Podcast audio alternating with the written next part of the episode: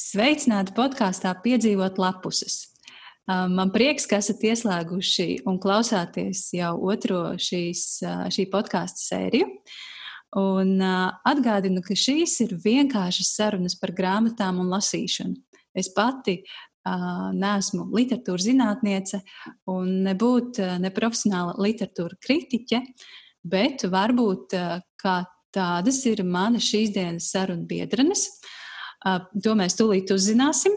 Un man ir liels prieks šodien podkāstā sveicināt Līvu Alksni, kas ir bloga alksne.blogspot.com autore. Līva tur raksta mm, atsauksmes par izlasītajām grāmatām. Un vēl šodien sarunā pievienos, pievienojas arī Ārija Vāciete, kuru jūs, es pieņemu, tie, kas lasa, un daudz lasa, noteikti zina Āriju, īpaši, ja esat Facebook grupā izcils grāmatas. Sveika, Ārija, un sveika, Līva. Sveiki. Sveiki. Prieks jūs redzēt, prieks jūs dzirdēt. Mēs satiekamies attālināti, bet es ticu, ka grāmatas un lasīšana vieno. Tā jau ir, jā. Jā, kā, kā parasti, kā, kā mēs to iesākām jau pirmajā sarunu sē, šī, šī podkāstu sērijā, mēs sāksim ar to, ko mēs katru šobrīd lasām un kas ir, kas ir mūsu nu, pat pēdējā izlasītā grāmata. Kura no jums, Līva, Ārija, kura ir gatava padalīties ar, ar, ar savām izlasītajām grāmatām? Varbūt Līva lasām. Nu, lai iet, jā. Um, nu, sākšu laikam ar to, ko es lasu šobrīd. Um, šobrīd, šobrīd tieši visaktuālākā man ir uh, Zelda. Mm -hmm. Stāstiņi pieaugušiem puišiem. Tas gan man ir uh, izdevniecības eksemplārs uz atsauksmi. Um, Un es viņu biju pabīdījusi bišķiņu nostāk pāri citām, jo gribēju paspēt izlasīt vismaz to, kas man ir mājās no Lali Gabas nominantiem. Mm -hmm. uh, jā, Zelda man ir procesā, vēl, uh, jā, domāju, kā aprakstīt, bet man, man patīk. Es uh, iesmaidos, pasmaidu, iedomājos, ka varētu pasītrot vīram, iedot izlasīt, tad sapratu, ka būs jāsītro visu grāmatu, lai jau lasa visu. Um, Bet par to, kas ir izlasīts pēdējais, es esmu sakrāvusi savu grāmatu kaudzi virtuvē, lai, lai ir ko rādīt. Uh, viss vispēdējā bija uh, Lienīta mednis pāre, dzirdošās smiltis. Uh, nopirku viņu tikko, kā bija mūsu ārkārtas situācija sākusies valstī, zinot, ka nominēti ir Lali Gabai. Krājums nav biezs, un domāju, ka paspēšu noteikti. Un vēl īsti pirms tam puika, kurš redzēja tumsā, Rasas Bugavičuts pēcas, arī dzen šīs Lala Gabas nominācijas dēļ, bet to gan es jau biju nopirkusi ķīpsla izstādē. Pēdējais lielais publiskais pasākums, kas tika apmeklēts. Uh, bet es visu laiku atliku puikas lasīšanu, jo es biju izlasījusi jau ļoti daudz labas atsauksmes no, no citiem lasītājiem. Uh, biju arī grāmatu klubā, visi, kas bija lasījuši ārkārtīgā sajūsmā, uh, gan mūsu online tikšanā, gan vēl iepriekš mums paspējām vēl vienu īsi pirms ārkārtas situācijas izsludināšanas tikšanos uzorganizēt. Uh, un likās, ka, nu, ka es jau esmu atēdusies, jā, nu, ka viss ir saklausīts, ka es jau pati esmu izlasījusi. Un, bet tā kā nu, tuvojās tā Lali Gaba, ko arī šovakar uzzināsim, kurš tu būs uzvarējis, tad es sapratu, ka jāizlasa vismaz tas, jo viņš man ir tas viens, un otrs ir tas, ka man nav neviena cita no bērnu grāmatām nominētajām mājās pieejama bijusi. Un, un, un tad, nu, tā. Kā tas ir tā, tā izlasīties. Bet vispār es šobrīd esmu bišķiņi izrāvusies ārā no, no tāda lasīšanas iestiguma. Es nespēju palasīt, vai pareizāk sakot, es nespēju koncentrēties grāmatai un pat, pat stāstam grāmatas formātā, jo visu laiku domas kaut kur klīda citur, un tā tomēr ir koncentrēšanās, kas ir vajadzīga. Tāpēc kaut kāds trīs nedēļas kopš ārkārtas situācijas izsludināšanas man noteikti pagāja, lasot pārsvarā pandēmijas stāstus, Ubisunt, Mm -hmm. uh, kas ir publicēti, un, uh, un es laikam tur šausmīgi daudz esmu dienas grāmatu formas stāstu izlasījusi, bet nu jau nu pat, nu pat es esmu, man tāda sajūta, ka es esmu izrāvusies no tā visa mm, iestiguma un nespējas koncentrēties no vēlmes tikai šļūkāt sociālos, un laikam tas iestigums, kas man izrāva ārā, nu iestiguma bija sestā sieva, mm -hmm. ko es uh, iegādājos uh, arī ķīpselā. Uh, Un patiesībā es neesmu vispār erotiskās vai uz erotisko pusi literatūras fans. Uh, romāna formā man drīzāk patiktu stāsti. Es esmu arī stāstus lasījusi. Uh, varbūt Desada, mm, Justīnas uh, nedēļas, tas laikam bija grāmatas formā, kas izlasīts, bet to man šķiet, ka man pietiek. Un tad ne visus šitos 50 pelēkos toņus, ne, ne mūsu pašu latviešu rakstītājs nebija lasījusi. Uh, Bet šo grāmatu es nopirku, jo man šausmīgi iepatikās šitais sarkanais, uh, sarkanais uh, lapu malas, sarkanās un viss uh, dizains. Un uh, es viņu piesēdos lasīt, Un tā es beidzot izrāvos ārā, izlasot šo grāmatu, izrāvos ārā no tā iestiguma, ka es nespēju koncentrēties, un tad aizgāja. Aprīlis man ir uh, bijis veiksmīgs, paldies Dievam, beidzot. Mm. Nu, tā, laikam īsi, īsi gari par lasīšanu, par pēdējām izlasītajām. Jā, lieliski. Sanāk, ka jau šī ir otrā podkāstu sērija, bet šķiet abās mēs runājam gandrīz par vienām tām pašām grāmatām, un, un Ingas Grensbergas sastā sieva ir viena no tām, un, un nu, man nu jau tiešām ļoti gribas izlasīt šo grāmatu. Es esmu ieintriģēta. Ārija, kā ir ar tevi? Ko, ko tu esi izlasījusi un ko tu šobrīd lasi? Nu, sesto sievu neesmu vēl izlasījusi, bet jūtos atkal ieintriģēta. Šobrīd, šobrīd es uh, lasu vai redzamu Sāsvārdas mm. Celas vasarnieka. Oh. Mēs ar mazbērniem kopā. Cik jauki. Katru vakaru mums ir pēc vakariņām jau tāda kā tradīcija ar mazbērniem. Mazmeita pateica, tā, mums tagad būs lasīšanas procedūra. Ja? tā, pilnīgi. procedūra. jā, un tad mums, jā, tieši tā, un mēs diezgan daudz esam kopā izlasījuši. Ļoti patika mežonīgie pīrāgi, ka nesen pabeidzām, nu, un pēc tiem pīrāgiem tagad ķeramies pie šīs. Nesen pabeidzu lasīt, lasīt vēl Tā, mm -hmm. Jānis Steiglis dzimšanas dienu, nu pat aizvakar.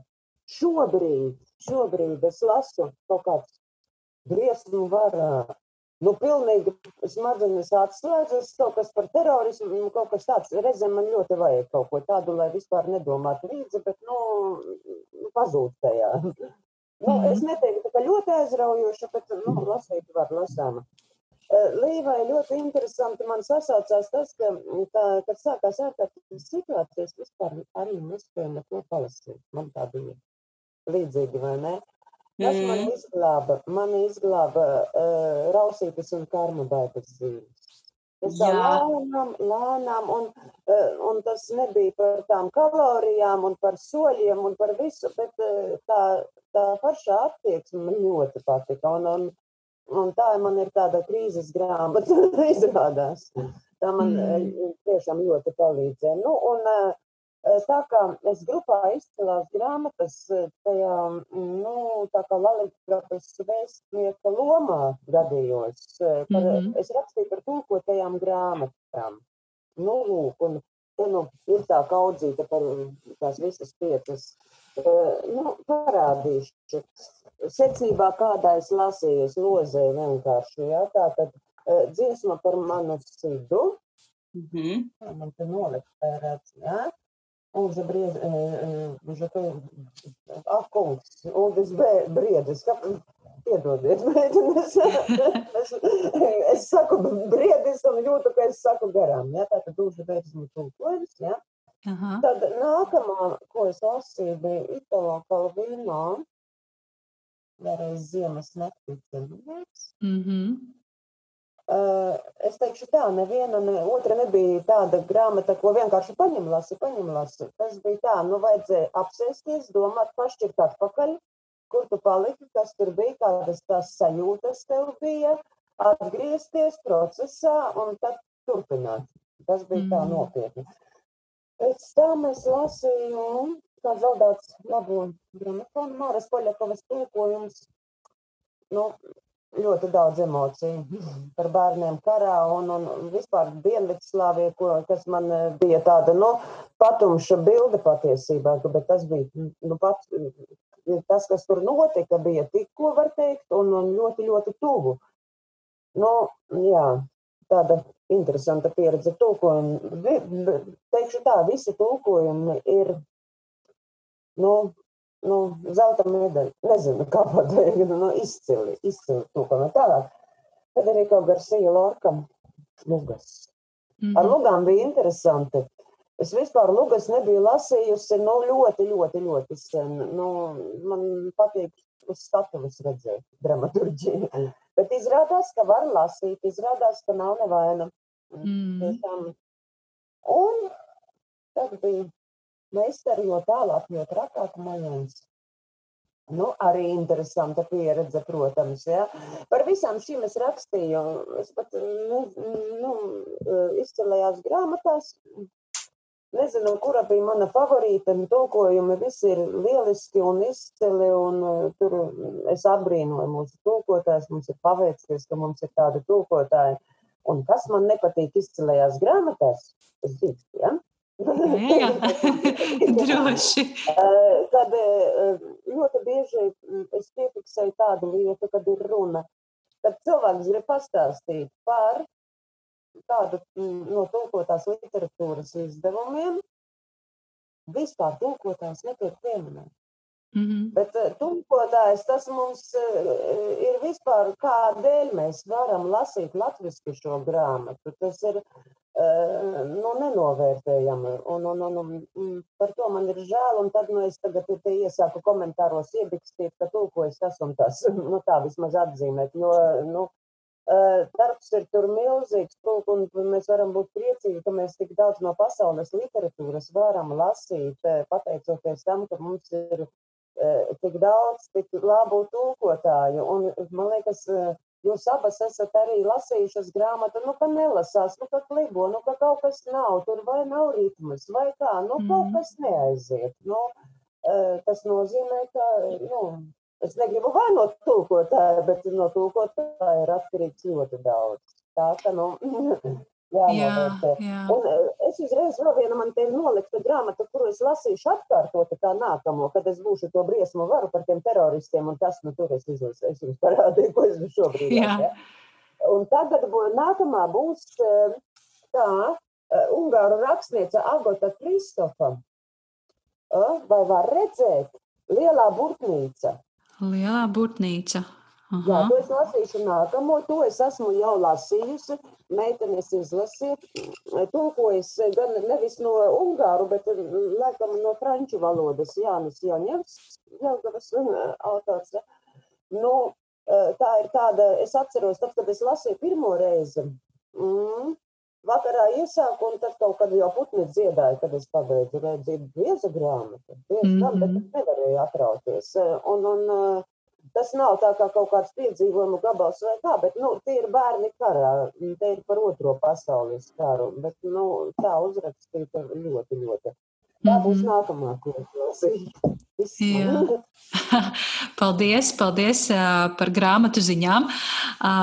Ja, ja drīkst komentārs par tulkošanu, es pilnībā piekrītu, ka tas ir, tas ir Es ne, nu, nemāku vārdos izteikt to darbu, ko tūkotais iegulda, jo man ir, man ir mazs stāsts no manas dzīves. Vīrs marta, ne februāra beigās, pirms sākās viss šis, viss šis, kas sākās, viņš bija aizbraucis uz Vāciju un, un viņš atveda trīs bērnu grāmatiņas. Mums mājās ir divgadniece. Un viņa ārkārtīgi mīl grāmatas, un, un viņš at, at, atveda šīs trīs grāmatas. Tās, protams, ir vācu valodā, nu, ko es kaut ko mēģināju apstāstīt. Es pati vāciski nelasu, kaut ko mēģinu stāstīt tam mazajam ķiparam, bet nu, saprotu, nu, ka ņemšu es Google tulkotāju un iztulkošu tās grāmatas. Un es, jā, es to sāku kā tādu baigo nieku. Man liekas, nu, kas tad tur iztulkot bērnu grāmatu? Bet, ziniet, es, es sēžu un es, es sāku domāt, pagaidi, bet kā tad šo vārdu, lai labāk uh, iztulko, lai tas būtu lai viņš loģiski ir iekšā tajā stāstā, tajā it kā vienkāršajā bērnu grāmatiņā, kur patiesībā ir liela filozofija iekšā. Es vispār esmu bērnu grāmatu fane. Uh -huh. uh, un, jā, es, tā, tas bija brīdis, kad es patiesi novērtēju tulkotāju darbu. Un tas īstenībā bija diezgan nesen manā dzīvē. Tādā veidā, caur savu pieredzi, jā, es sapratu, cik tas ir ļoti atbildīgs, ļoti atbildīgs darbs. Man arī ir piebildi par tulkotājiem, jo pirms diviem mēnešiem senāk, vai nu jau pat trīs, tie pašā grāmatu klubā, ko es pieminēju, mēs ik pa laikam aicinām viesus ciemos. Un tad pirms šiem trim mēnešiem, vai diviem, nav svarīgi, bija Dācis Meijer pie mums atnākusi ciemos. Ah, kā viņa stāstīja pēc, eh, par to, kā, kā veidojās attiecības ar to grāmatu, ar autoru, kā ar dzīvos autorus tūkot, kā mirušos, kā, kā, kā ar viņiem tas tūkotais miedarbojās. Es sēdēju ar muti vaļā. Man pašai ir uh, tulkošanas pieredze, un es, um, mans papildarbs ir tulkošana, bet es tulkoju tādu mazāku formātu, jo tā var teikt, es tulkoju seriālus. Uh, multfilmām titrus un ierunāšanai tekstus, un uh, filmas mēdzu iztulkot gan uz titriem, gan uz ierunāšanu. Un, un, un nu, grāmata tādā ziņā ir milzīgs darbs. Un, un kā Dārts runāja par saviem tulkojumiem, kā par saviem bērniem, uh, es arī līdz tam biju jau tulkotāju lomu apzinājusies gan praktiski, gan, gan teorētiski. Bet, kad tu satiec tādu īstu dzīvu tulku, um, ka viņš stāsta ar kaislību par to savu darbu. Tas ir pilnīgi cits smēķis tām grāmatām, ko tu pēc tam lasi no šī tulkotāja. Mm. Ārkārtīgi nozīmīgi piekrītu. Man arī par tulkošanu drusciņu. Uh, es neko netulkoju, neko, bet uh, uh, es mācos itāļu valodu. Nu, tā tīri sava prieka pēc un pašmācības ceļā. Nu, lūk, un tagad mm, es paralēli izlasīju latviski šo arī Dācis Meijeres tulkoto attēlu, izlasīju un uh, atradu internetā uh, itāliski un nolēmu nu, lasīt paralēli. Pa, izlasu tur kādu rindkopu itāliski, tad latviski un tā, un, un paralēli. Oi, meitenes, kas tur ir, nu, nu, ka tur katrs vārds, ne, neviens vārds nav pazudis. Katrs vārds ir iegūlies e, tur, kur tam ir jābūt. Un ka viņš ir tā skaisti, tā kā vajag. Nu, nu, tas ir, uh, es nezinu, tiešām cepuri nost. Un, un, mm. un tāpēc man ir tiešām ļoti, ļoti žēl, ka nu, mēs cilvēki nu, nenovērtē un nesaprot, kas, kas tur ir kas tam ir visam apakšā. Tas tā ir tā kā tilts, kā atslēga kaut kāda, lai mēs vispār to grāmatu varētu mm, baudīt un lasīt. Un, un, mm. un, un, tā ir labi iztulkota. Tas ir mm, Jā, jā, es arī, starp citu, pavisam nesen esmu uh, izlasījis šo te uh, Primo Levija grāmatu attēlu. Un nu, teksts ir ne tikai saturiski smags, man liekas, viņš ir Jā. arī valodiski ļoti blīvs, tāds, Jā. nu, tāds, ļoti, jā. jā. Labi, bet jā, Līva kaut ko gribēja. gribēju par Primo Leviju piebilst, ka jā. Primo Levijas, ar citu, aizskrēja nopirku uzreiz pēc dats vizītes pie mums grāmatu klubā un izlasīja ar lielu aizrautību, un lai arī tās temats ir smags, Protams, šeit, šeit ir noteikti arī ļoti liela loma tulkotājiem, kā tulkotājs to ir iztulkojis, bet, bet tu nevari iztulkot to, kā tur nav.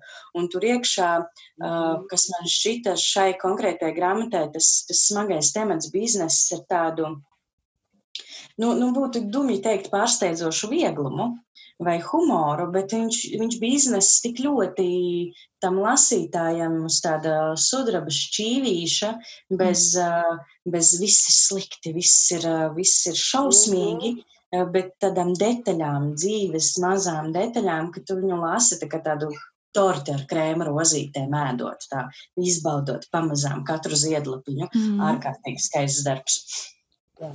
Jā, jā nu, varbūt tā ir tāda mentalitāte arī itāļu. Nu, mums ir tas grūtums, mums ir smagums, mēs tādi bāleliņi, nastu nesējiņi, jā, un, un, un palēkums.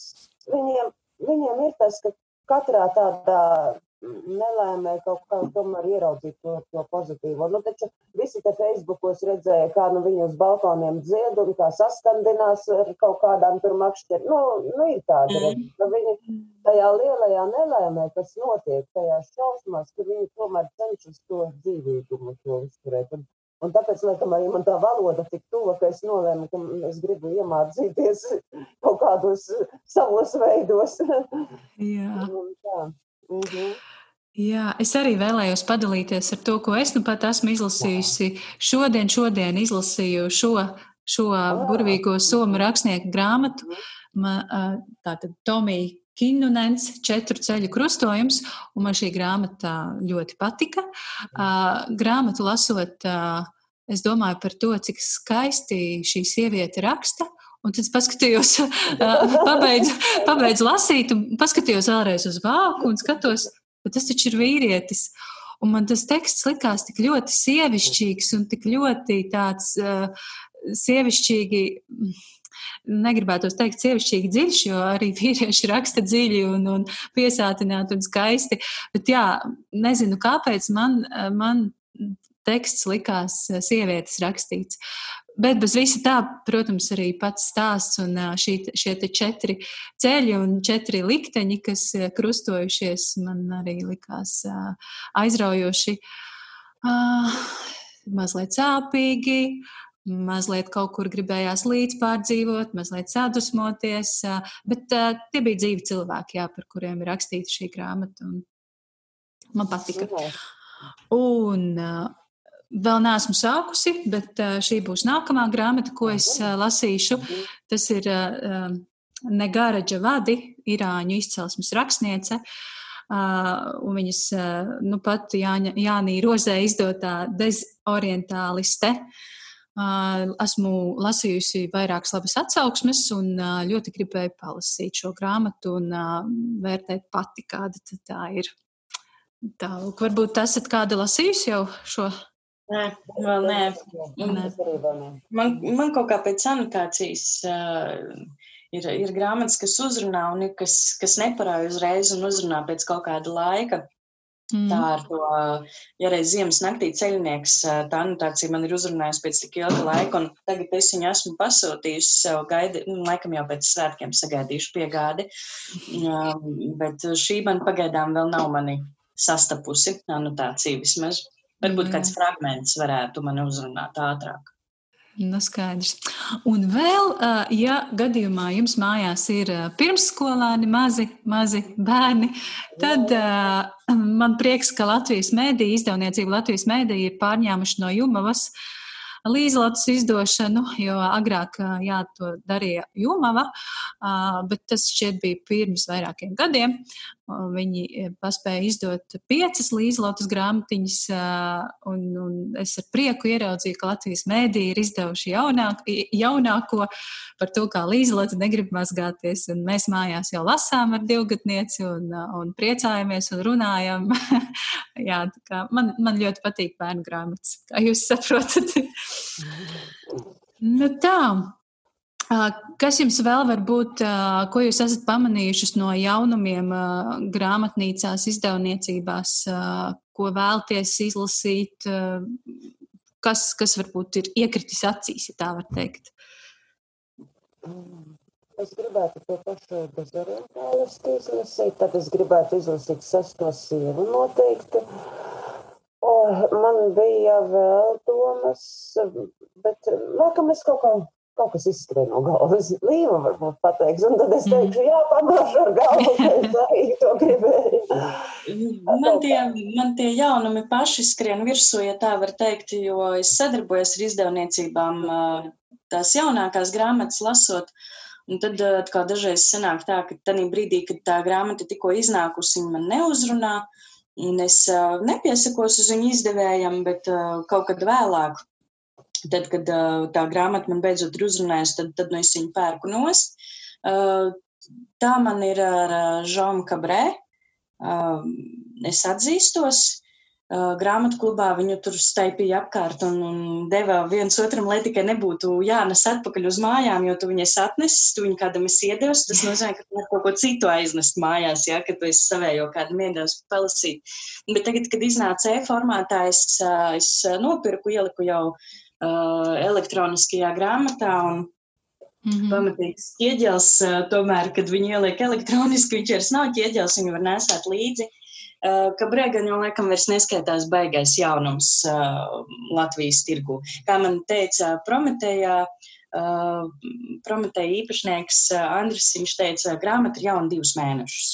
Un tad, oh. un tad jau nāk virsū citas grāmatas, ir īpaši lielajās izdevniecībās, un vairs nav tas nav nekāds jaunums, viņu nav vairs īsti jēga reklamēt. Nu tā, mm.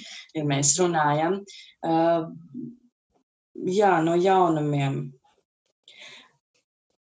Un ņemot vērā, ka man bija baigais, baigais ielipiens, un es man nelasījās, sanāca tā, ka principā es tagad centīšos iet cauri tam, ko es biju sarūpējis vēl ķīpselā, ko es biju sarūpējis pirms tam, kas man nebija eksemplāri uz atsauksmēm, bet vienkārši uz gribēšanu, un tad, teiksim, no pašiem jaunākajiem Joņeva tīģeri arī jau izlasīju. Nu, okay. Ar to bija ļoti interesanti, jo man šausmīgi nepatika Jelgava. Man tiešām nepatika, es nevarēju saprast, par ko cilvēks sajūsminās, par ko viņam dod balvas. Um, Tā, unlimited minūtes mums tagad ir. Super. Jā, jā. Zums mums uzdāvināja laiku. Uzdāvināja? Jā, jā, jā, runājam, cik gribam.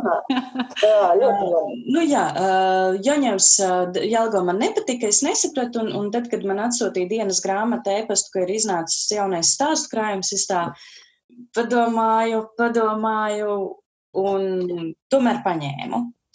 Uh, bet uh, iepauzē ar to lasīšanu, jo, jo nelasījās. Un tad, kad es sāku lasīt, tad es šausmīgi dusmojos uz to grāmatu. Es biju gatava viņu mest pret sienu ne jau satura dēļ, bet tāpēc, ka aptuveni 248 lapas tur ir. 248 lapusēm ir izvēlēts mīkstais sējums ar atlociņiem, um, kas ir, um, viņš nelokās, viņš neatverās. Viņu visu laiku tu turi tev sāp īkšķi. Es viņu būtu lasījusi no vāka līdz vākam, cietajos vākos vienā piesēdienā, nu, divos, trijos, jā, bet oh, uzreiz. Man sanāca Joņevu lasīt ļoti tādām pauzītēm, jo vienkārši saproks. Un, un pēc tam izlasot, paiet diena, es laikam kaut kādu nedēļu domāju to atsauksmi, ko es rakstīšu. Un es sapratu, ka, ka ar laika distanci man tie stāsti šķiet aizvien iedzīgāki un labāki. Uh, varbūt ne uz piecām, es neteiktu, ka viņi ir izcili, uh, jo tur bija stāsti, kuri tādi šķita um, Es vispār dikti mokos rakstot savus atsauksmes. Es neesmu literatūras zinātniece, es esmu pēc izglītības komunikācijas speciālists, žurnālists. Un, un es parasti atsauksmes rakstot ļoti ilgi domāju, ja, cik daudz tajā atsauksmē ir jēga no mana patiku, ne, patika, nepatika, un cik daudz ir jēga nu, izvilkt kaut ko dziļāk ārā. Un ar Joņeru stāstiem bija tā, ka uh, man tur bija patika, nepatika, patika, nepatika, patika, nepatika, un tad es ilgi domāju, ko uzrakstīt, lai tas nepaliktu tikai patika, nepatika līmenī. Eh, jo tur tiešām, ja tā būtu tikai puse tās grāmatas, jā, 150 lapas, Tur būtu liels risks, vai nu viņa pilnībā nepatīk, vai nu pilnībā patīk. Skatoties, kā tur tie patikušie, nepatikušie stāsti sagrupētos. Bet tā kā tur ir 250 lapus, viņa ļoti bieza, tad tur ir tāds uh, vidējais aritmētiskais, ir tāds, nu, lasīt var, un pēc kaut kāda laika pat, pat šķiet jau tā, es tur kaut kādas orvela iezīmes saskatīju, man orvels patīk, tur tāda fantāzija par to, kā varētu būt, un, un labi, ka nav. Un, uh, un tā. Nu, kā, neteiksim, ka es viņu iesaku kā izcilu grāmatu, bet lasīt var. Es nenožēloju, ka es izlasīju Joņau stāstus, jo es ieraudzīju Joņau nedaudz citādāk, nevis tikai to, kā Dievs, kā man izbesīja viņš to savu jalga, un to, ka viss ir tādā starā par viņu. Tā. tā. Skaidrs. Uh... Es esmu pamanījusi, ar lielu prieku pamanīju pirms dažām dienām, ka Liels un Mazs beidzot ir izdevuši grāmatu, ko viņi jau pirms ilgāka laiciņa izziņoja, ka izdos.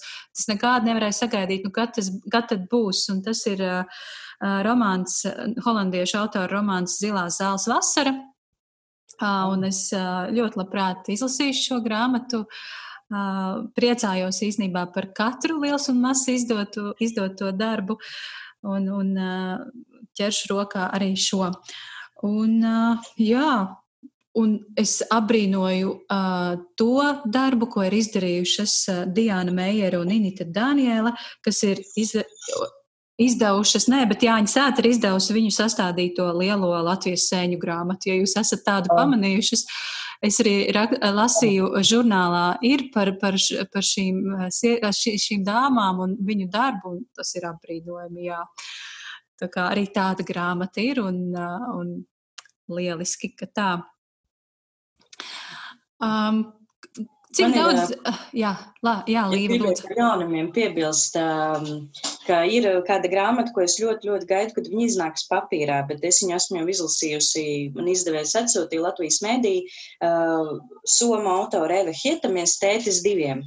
Tā ir mhm. otrā daļa, turpinājums grāmatai tētis uz pilnu slodzi, un es viņu izlasīju, un principā viņai vajadzēja iznākt marta beigās, bet nu, mums sākās viss tā diža krīze, un viņa ir izveidota, ir vāciņš, ir ISBN numurs, bet, bet nu, fiziski nav vēl arī e-veikalā neredzu. Un tā ir grāmata, ko es ļoti ilgi gaidīju, ka viņam, nu, es cerēju, ka viņam vispār būs tulkojums arī otrā daļa, jo pēc pirmās daļas ļoti gribējās paskatīties, kā tam tētim iet ar to bērnu vienam pašam. Un tur savukārt sasaucās ar to četru ceļu krustojumu. Tu aiteici, ka tev šito eci kā sieviete uzrakstījusi, un tu to, nē, vīrietis. Un šeit atkal Ieva Hietamies, man bija arī, arī pirmo daļu es lasīju vēl neiespiestu elektroniski. Un es lasu, un es domāju, nu, bet šitais vīrietis ir uzrakstījis, nu, tā kā vat, būtu sieviete to bērnu pieskatījusi viena pati, jā. Un tas man sasaucās, jo man puika vēl bija, nu, pišķiņ tikai nesen izaudzis no tā vecuma zīdainīšu un ļoti tuvu nāca pie sirds. Un te es atveru vēlreiz to pirmo vāku, jau no elektroniski pirmo lapu, jau, bet taču sieviete, un kā viņa tā vīrišķīgi ir uzrakstījusi. tā, tas ir viens no tiem jaunumiem, ko es ļoti gaidu, ka viņš iznāks, un es ļoti, ļoti ceru, ka cilvēkiem patiks tā otrā daļa, jo jau pirmā, pirmā daļa laikam ir patikusi, jau otrā ir ir iztulkota, un tad, tad cerams, ka arī uz tās patikšanas arī trešo sagaidīsim. Trešajā viņiem tur esot laikam skolas laiks pienācis, to mm -hmm. bērnu audzinot tam tētim. Nu, tā. Nu, lieliski, tu esi, jā. tu esi ientriģējusi mani, mm -hmm. mani noteikti. Jā. Man arī. Jā, cik jūs daudz esat gatavas ap, aprunāt, pārunāt Lali Gabas nominantus? Uzvarētājs, kā jau es minēju sākumā, mēs uzzināsim šovakar. Es ja godīgi, es atzīstos, esmu lasījusi visas trīs darbus tikai no bērnu uh, literatūras nominantiem. Uh, un uh, man ļoti patīk, patika visi trīs darbi, gan Ineses Zandaras uh, dzējoļu krājums, kas mums mājās ļoti lielā cieņā, īpaši uh, dzējolīts par batutu, gan uh, viestura ķerus uh, meža meitene Māja, manuprāt, ļoti skaista tāda nu, dvēseliska grāmata par, par, par tādu skaistu aizraušanos, kā putnu vērošana un kā šī meitene iet dabā ar tēti un, un uh, klausās un redz tos putnus. Un, uh, protams, Rasas Bugavičūtas pēcis puika, kurš redzēja tumsā, tā droši vien ir daudzu sirdis nolaupījusi. Un visticamāk, Nu, tas ir mans minējums. Visticamāk, dabūšu šo balvu šovakar bērnu literatūras nominācijā. Ko jūs domājat? Kādi ir jūsu komentāri par pārējām nominācijām? Arī tu teici, ka tu dotu visiem tulkotājiem Jā. balvu.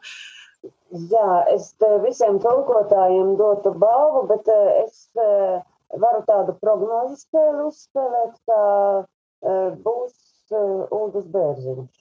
Nu, nu, paskatīsimies. Paskatīsimies, jā. jā. Pirmkārt, tā ir nu, senspāņu epos, jā, tas par manu sidu. Nu, paskatīsimies, kas tur būs, bet es tā prognozēju. Kaut gan es dotu tiešām visiem, jo visi tāpat arī Garsies Lorkas Lugas ir iztulkotas brīnišķīgā valodā. Nu, nu, labi, nu, es varu slavēt, tad spērusies un, un tiešām par katru. Es pat nezinu, kuru es gribētu vairāk. Nu, varbūt Itālo galvīno, tāpēc, ka man itāļu valoda tuvāk. Jā, es ļoti priecātos, ja Dāca Meijeri dabūtu. Bet es par visiem priecātos, jo visi ir eh, tiešām iztūkoti izcili, jā. Nu, nezinu. Nu, tad jau Mhm. redzēs, no debijas darbiem es esmu izlasījusi tikai Ervīna Vardes, eh, kas te notiek. Man ļoti, ļoti patika, kaut gan grupā izcilās grāmatas, eh, puisis, kurš eh, rakstīja, nu, tā kā, tā kā vispār kāpēc vajadzīga tā grāmata. Bet man ļoti patika. Nu, es arī biju uzrakstījusi izcilajās grāmatās pirms tam, pirms visām nominācijām. Eh, Tā, es netīšām bibliotekā biju paņēmusi to grāmatiņu, jo vēl it kā atļāva skaits. Un, un nu, man neapbūra tas, eh, kā viņš redz eh, arī putnu vērotājs, vai ne? Kā Jā. viņš to pasauli ierauga, no citas, eh, no cita rakursa paskatās, kā viņš tā spēlējas un kā viņš tur ņemās. Nu, man mm, ļoti patika tā grāmata. Un tad Es esmu no latviešu prozas lasījusi Lienītas pāris dziedošās smiltis. Mhm. Nu, arī tāda spēcīga grāmata, es teiktu. Mhm. Līva, ko teiks? Līva, kādi tavi komentāri? No, no visām nominācijām šogad, eh, pagājušajā gadā es centos izlasīt visu par dzēju, eh, bet eh, šogad, šogad man īsti nesanāca, un es arī kārtējo reizi sapratu jau pagājušajā gadā, ka dzēja īsti nav mans. Līdz ar to arī šogad debijā ir daudz dzējus. Jā. Kas man šķiet, nu, vai tad dzējā nepietika, ja ko salikt, nu, tā liekam, vēl debijā iekšā, tur, ka dzējā nevarēja salikt visus, ko gribās. Līdz ar to arī debijai man ir tikai Ervīns vārdi izlasīts. Mhm. Um, man nav ar ko salīdzināt, tā kā es neesmu Nu, debijā jā. teju lasījusi, bet um, ar Ervīnu vārdu man, man ļoti patika. Uh, man patika tas nedaudz citādais skatījums, bet man šķita, um, radās tāda iekšēja sajūta, ka, ka ir kaut kas samests uh, brīžiem tikai, lai būtu ko ielikt vēl grāmatā, lai arī patiesībā tur bija tādas skices, no kurām varēja izvērst tādus stāstus Nu, garos. Mhm. Un, un bija pilnīgi žēl, ka ir ielikts tās skices tajā mazajā stāstu krājumiņā, ka varētu taču paņemt, uztaisīt lielos. Jā. Bet uh, autors uh, tā bija izlēms, un, un pēc tam lasot par viņu, es saprotu, ka viņš uh, ir uh, tāda ļoti interesanta personība. Mhm. Un, uh, un, uh, un tā grāmata man šķita laba, bet vai, vai no debijas viņš iegūs balvu, to man grūti spriest. Līdzīgi man ir ar bērnu literatūru, jo no bērniem es esmu lasījusi tikai puiku, kurš redzēja tumsā. Un tad, kad es vēl skatījos, kas 2019. gadā ir iznācis no bērnu literatūras, ko es pat esmu lasījusi, gan uh, savas intereses pēc, gan uh, domājot par to, ko es savam puikam gribu likt priekšā, jo es bērnu literatūru izmantoju kā pedagoģisko ieroci, ja tā var teikt. Jā, ja, ja mūsu mājās bērns pārstāja dzirdēt, ko vecāki viņam saka, nu tad lasam kiku miku ar pazudušajām ausīm. Jā. Vai ja vairs nevaram izbrist cauri viesistabē rotaļlietām, tad par nekārtības rūķīti jā, un, un tam līdzīgi. Un, uh, un uh, man bija ļoti žēl, ka nav no tā paša lielsuma ne kiosks Anetes Melets aizgājis uz nominācijām, Mhm. ne eju meklēt arī ārkārtīgi jauka grāmata un tiešām bērnu ievelkoša. Jo tomēr puika, kurš redzēja tumsā, ir tādai nu, jau nu, lielākiem bērniem, kas jau balansē uz tādas jauniešu literatūras. Uh, bet tad es atkal tā padomāju, nu jā, bet ja viņiem bija jāizvēlās izvil, izvirzīt um, par putniem un māju, jā, to grāmatu vai izvirzīt kiosku, uh, tad varbūt arī, lai iet tā māja, jo kiosks jau ir iegūst lielu ievērību pasaulē. Un, un nu, nevar izvirzīt visus trīs no vienas izdevniecības, jā, tai Lali Mm. Gabai. Mm. Tā ir, bet, bet māju es esmu ielikusi groziņā, un, un par bērnu, kurš neiekrita Zanders, arī es esmu ielikusi groziņā, gaidu algas dienu, un būs lielais sūtījums no liels un mazs, jo tā ir no izdevniecībām, ko es abrīnoju, un es atbalstu ar, ar savu naudu. Un, un man tiešām patīk viņu, viņu tie darbi, un arī tā jaunā par to, kā viņa bija zilā vasara. Uh, zilā Piemini. zāles vasarai. Zilās zāles vasara, mm Mhm. -hmm. to es jau ieliku grozā un, un, uh, un sūtīšu tik līdz būs tāda iespēja. Uh, laikam visvairāk no Lala Gabas es esmu to prózu izlasījusi trīs no četriem nominantiem. Uh, Gunda Grepša man ir tādas uh, dīvainas attiecības, dažas grāmatas man patīk tā, ka pilnīgi, nu, nu es nevaru, nu, nu varētu pieminekli uzcelt repšā, un dažas grāmatas ir tā, nu, Baigi smagi, un ko tā tante tur vai tā. Uh, un līdz ar to es, es nerāvos uz to retināto gaisu, atkal jau ne, neuzrunāju recenziju, un tāpēc nepaņēmu izdevniecības atsauksmu eksemplāru, negribēju pēc tam domāt, nu kā lai uzrakst tā, lai neviens neapvainotos, ja man nepatiks. Lūk, un, um, un, un tad no tām prozas kategorijas uh, es laikam varu vislabāk vērtēt, jo es visvairāk no visām izlasījusi. Es iedotu Lienītēm Mārei, Mārei, Mārei Mednei, Mārei Mednei iedotu, uh, ja mēs tā spekulējam par to, kam, nu, kam tur dotu vai nedotu, uh, tāpēc, ka nu, tas bija krājums, kur var just, ka autors zina, ko viņš grib no saviem stāstiem, ko viņš ar tiem grib izveidot, ka tur ir viņi izvirpoti bez tādas pašmērķīgas izrādīšanās. Es tagad uztaisīšu teikumu ar septiņiem pakārtotiem palīgteikumiem, un tad es būšu rakstnieks. Ja? Nē, tur, tur bija tik lakoniski un tik labi uzrakstīts, ka tu redzi to glēznu ar tiem pašiem īsajiem teikumiem, ja tā var teikt. Un tur nu būtu prozas balva uh, manā skatījumā un tulkojumi. Uh, tulkojumiem es biju lasījusi Zaldāts, kas labo gramofonu, kas uh, Es nezinu, man, man, man viņa neiegulās sirdī. Arī man Dienvidslāvija ir tāda patumša bilde, un es sagaidīju, ka es no, no šīs grāmatas uh, iegūšu to Dienvidslāvijas bildi gaišāku vai krāsaināku sev. Um, bet es nevis grāmatā vīlos, es vīlos savās gaidās. Es uh, pārāk daudz no grāmatas sagaidīju, un tas ir. Uh, Nu, tas ir arī laikam akmens manā dārziņā, ka es no kaut, kā, kaut ko gaidu, un tad, kad nesagaidu, tad ir tā, ah, oh, Mm, nu labi. Un uh, no tulkojumiem vēl bija mojeņš.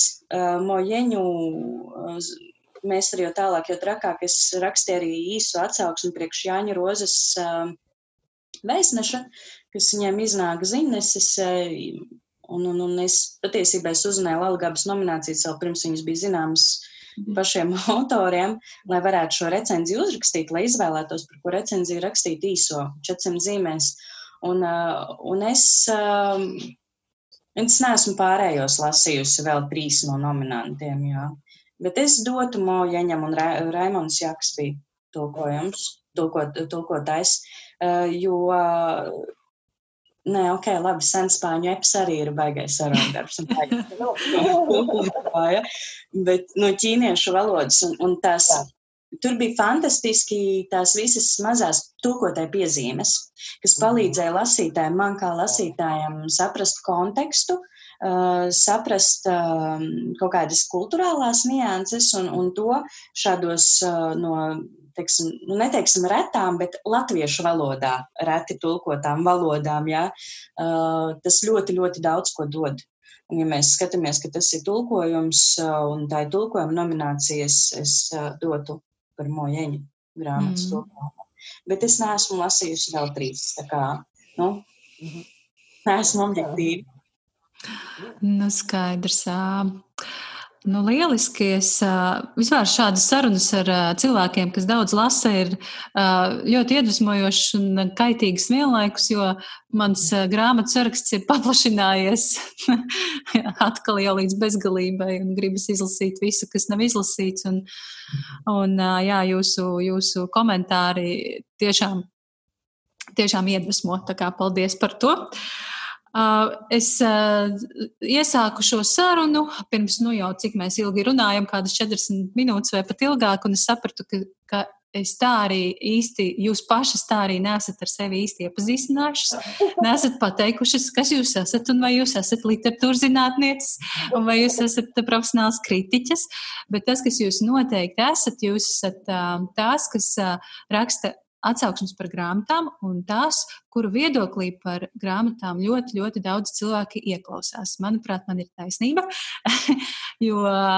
Līva par tevi šķiet tajā pašā Facebook grupā izcils grāmatas. Pavisam nesen bija tāds komentārs, kurus nevar precīzi, precīzi, diemžēl, pateikt, nolasīt, bet tas bija tā, ka, ka Līva Alksne ir labākais, kas pēdējo gadu laikā grāmatu blogu pasaulē noticis. Kaut kā tā, apmēram tā doma bija Ko tāda. Un... Jā, es palaidu slavinošu komentāru. Jā, tas, tas man likās, o, oh, forši, interesanti. Es uzreiz to piefiksēju. Un savukārt tā arī par tevi. Man liekas, vispār nevajag komentārus tie, tiem, kas ir šajā grupā, jo nu, es domāju, ka es neesmu vienīgā, kas ārijas atsauksmes par grāmatām uztver ļoti nopietni. Un, ja raksta ārija, tad, tad es to izlasu, es to ņemu vērā, un es ticu, ka šī atsauksme ir tiešām godīga. Mm, labi, labi domāta. Un, ja to iesaka ārī, tad visticamāk, grāmata tiešām ir laba. Tā, tāds lūk, man komentārs par jums, bet stāstiet lūdzu tagad uh, par sevi. Uh, nezinu, kura pirmā sāks, pastāstiet, uh, kā jūs esat nokļuvušas līdz uh, šim statusam, ka jūsu viedoklī par grāmatām ieklausās, un pastāstiet arī, vai jūs esat profesionālis, rakstnieces vai literatūra kritiķis. Uh, Nu, tad es sāku šoreiz. Jā, droši. Tā, man, es esmu profesionāla šobrīd vecmāmiņa, tā, un ar literatūru kritiku, un tā man it nekāda sakara nav. Nu, kaut kad pirms gadiem es mazliet pastudēju filoloģijas fakultātē, bet, nu, nepabeidzu. Kāpēc? es rakstu atsauksmes par grāmatām. Tas uh, gadījās reizes izlasīju uh, tulkotājas Silvijas Brīces un uh, izdevējs Vijas Kilblokas diskusiju Facebookā. Mm, tas bija saistībā ar mežģīnēm, saistībā ar literatūru, kāda literatūra ir vērtīga, kāda nav ar lasītāju gaumi, Un ka, lūk, ir tādas, nu, pelnošās grāmatas, un ir, un ir citas grāmatas, teiksim tā, nu, un pa vidu vēl dažādas. Un tas bija tāds, man tik daudz pārdomu tā diskusija izraisīja, ka, nu, man likās, ka pārāk maz mēs runājam par, par grāmatām, pārāk, pārāk maz. Es eh, visu laiku centos vienmēr arī blogus lasīt, tā skaitā Līvas blogu, un, man liek, ļoti patīk. Paldies, Līva! Uh, nu, nu, un tad es vienkārši tā, man ienāca prātā ideja, ka es varētu par to grāmatu, kuru es tagad lasu, vienkārši uzrakstīt. Nebija vēl grupa izcilas grāmatas, bet uzrakstīt, nu tā, lai mani tie dra Facebooka draugi zina. Nu, varbūt kādam liksies interesanti. Un pirmā grāmata, par kuru es savā Facebooka joslā uzrakstīju, bija Mikēla. Mm, ne, es varu vārdu nepareizi. Glaviņa leča lielākais brīnums. Tas bija tas eh, par uh, kalnā kāpējiem, par Everestu un tā. Mm -hmm. Tā mhm. bija pirmā, ko es savā joslā. Tad bija Jāņa Lietiņa vīrieša sirds laikam un Baibas Zīles malumēstars tos es savā uzrakstīju, un tad kaut kā uzreiz paralēli drīz tika izveidota grupa izcēlas grāmatas, un mani vieta ilgāk uzaicināja tajā grupā.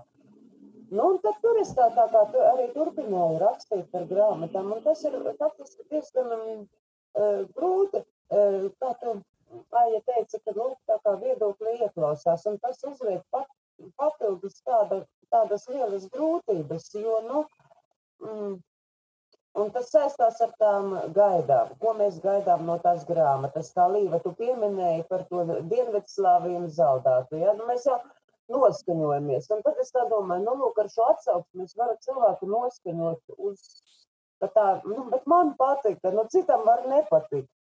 Un tas ir tāds tik slidena lieta ar to patikšanu un nepatikšanu. Un, un, Kad citreiz es, es sākumā man bija apņemšanās, ka es uzrakstīšu par katru grāmatu. Nu, protams, ka nē, nu, par katru nemaz nevajag laikam, ja, nu, bet pat arī par, par kuru, protams, es neuzskatu par izcilu. Nu, par grupas nosaukumu es nepieminēsim. Tas, tas jau vien uzliek tādu latiņu, ja, un par to ir runāts un runāts un runāts. Nu, labi. Bet par jebkuru grāmatu, kuru man pati, es atceros, kāds man bija stress par bārā ienāk zirgs. Kā man patika tā grāmata. Es pilnīgi, es domāju, nu tas ir kaut kas, nu ļoti. Un tad es te pašā grupā uzrakstu, nu, tiešām savu sajūsmināto atsauksmi, pēc tam seko tāda iznīcinoša atsauksme no citiem. Un, un tas man, es pilnīgi tādā, nu, sirdsdrapes jāmeklē, kā, nu, lūk, Bet nu, ne jau tur grāmata vainīga, ne jau lasītājs, bet vienkārši tiešām tā, tās eh, cerības, kas nu tur būs tajā grāmatā, kas nu, ko nu kurš atradīs. Mm. Tas tā ir tāda slidena lieta. Nu, no tā. Ah, Par sevi bija jārunā. par sevi, eh, es pateicu par sevi, ka, laikam, ka nu, nekādas tādas man darīšanas ar literatūras kritiku un tam līdzīgām lietām nav, bet es lasu kopš agras bērnības. Uh, man tas tā ģimenē ir lasījuši, vecāki, un liekas, ka tas no mazām dienām ir licies, ka tas ir tā normālis, nu, ka tā vajag dzīvot, ka ir grāmatas kaut kur tuvumā un rītī, un pat, ja tā skrēja putekļus dažreiz, un, un tā, bet, nu, nu jā, tāds man tas īsti, laikam, nav ko vēl piebilst par sevi. Nu, jā, tagad ar mazbērniem es esmu pievērsusies kopā ar mazbērniem bērnu literatūrai. Kaut gan mm -hmm. es mhm. arī tāpat man eh, ļoti ir paticis eh, lasīt eh, bērnu grāmatas vienmēr tā paralēli. Bet nu, tagad iznāk tā, ka bieži regulāri tas notiek. Mm -hmm. nu, tā laikam par mani būtu viss. Jā, ļoti jauki. Paldies. Līva, kā ir ar tevi? Stāsti, kā tu esi izveidojis savu blogu un kāpēc? Mm, es sākušu laikam chronoloģiski. Jā, arī pieminēja, ka, ka lasu no mazām dienām, un man arī ļoti līdzīgi, kad man bija četri gadi vecmāmiņa, man iemācīja lasīt. Un tad, tad kaut kā tā tas arī aizgāja. Un, un es atceros, ja tāda spilgtākā atmiņa no bērnības ir, ka mammai ir pie gultas vismaz divas grāmatas ādas vākos. Jā. Un brālim vienmēr ir vairākas. Un mamma man pati lasa divas grāmatas vienlaicīgi, bet man pārmet, nu atkal no bibliotekas atstiep piecas grāmatas. Kā tu viņas vienlaikus izlasīsi? Ja nu, bet nu, man šodien patīk šī tā, tad man viņa apnīk, tad es paņemu šī to un tā es viņas izlasu. Un uh, kronis bija, ka es uh, pie piektā klasē es biju pierakstīta trīs bibliotekās. Skolas bibliotekā un, un divās bibliotekās turpat netālu no mājām, jo vienā deva tikai piecas grāmatas reizē. Un Jā. man, man tad bija piekdienas, bija biblioteku dienas, kad es sakrāvu savas 15 grāmatas somā un gāju pa visām trim bibliotekām. Nu, nē, no skolas bibliotekas jau nodevu no rīta skolā, bet nu tā. Uh, un tad, tad es kaut kā lasīju, lasīju, es biju jau izlasījusi, man šķiet pārlasījusi visu atbilstošo un neatbilstošo vecumam, un es sapratu, ka, nu, es paņēmu grāmatu pēc vāka un kaut kāda anotācija, man tur kaut kas patīk, bet es jau esmu lasījusi. Nu, man šķiet, ka es esmu lasījusi. Es šķiru tālāk, nē, nu es noteikti esmu lasījusi. Un, un tad es sāku pierakstīt uh, kladē. Ko es esmu izlasījusi, kas man tur, par ko tur bija un kas man patika, nepatika. Lai tad, kad es sāku skatīties, es esmu lasījusi, man ir kur paskatīties. Un es mācījos pirmajā kursā augstskolā, bakalāros. Es esmu studējis komunikāciju, žurnālistikas virzienu. Es esmu diplomāts, mediju speciālists un teorētiķis.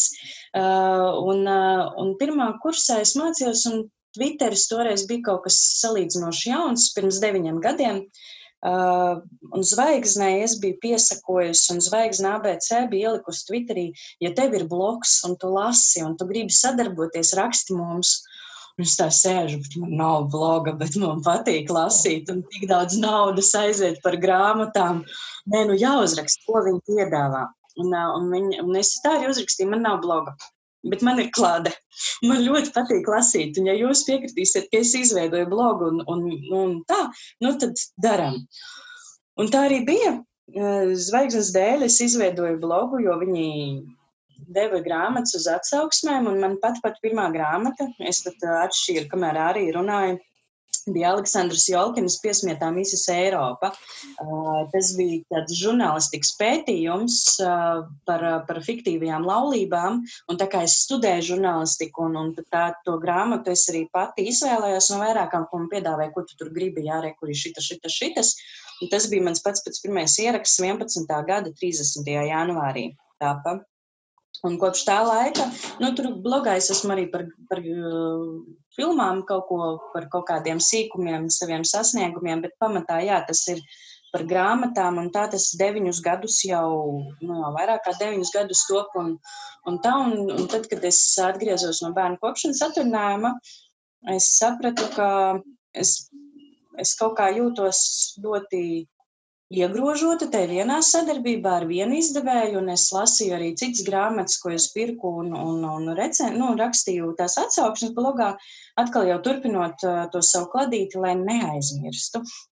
lai man būtu tāda mana dienas grāmata pašai sev, kur es pierakstu arī fona informāciju par autoru, ja tas man nav zināms autors uh, kur es pierakstu to fonu varbūt par pašas grāmatas, kas ir pieejama informācija, jā, tapšanu. Un tad, kad uh, par to pašu Joņevu, jā, es jau esmu sen aizmirsusi, ko viņš man ir uh, iztracinājis, bet man galvā kaut kur ir, es, es, es, es Joņevu lasījusi. Un es paši ir atpakaļ savā blogā.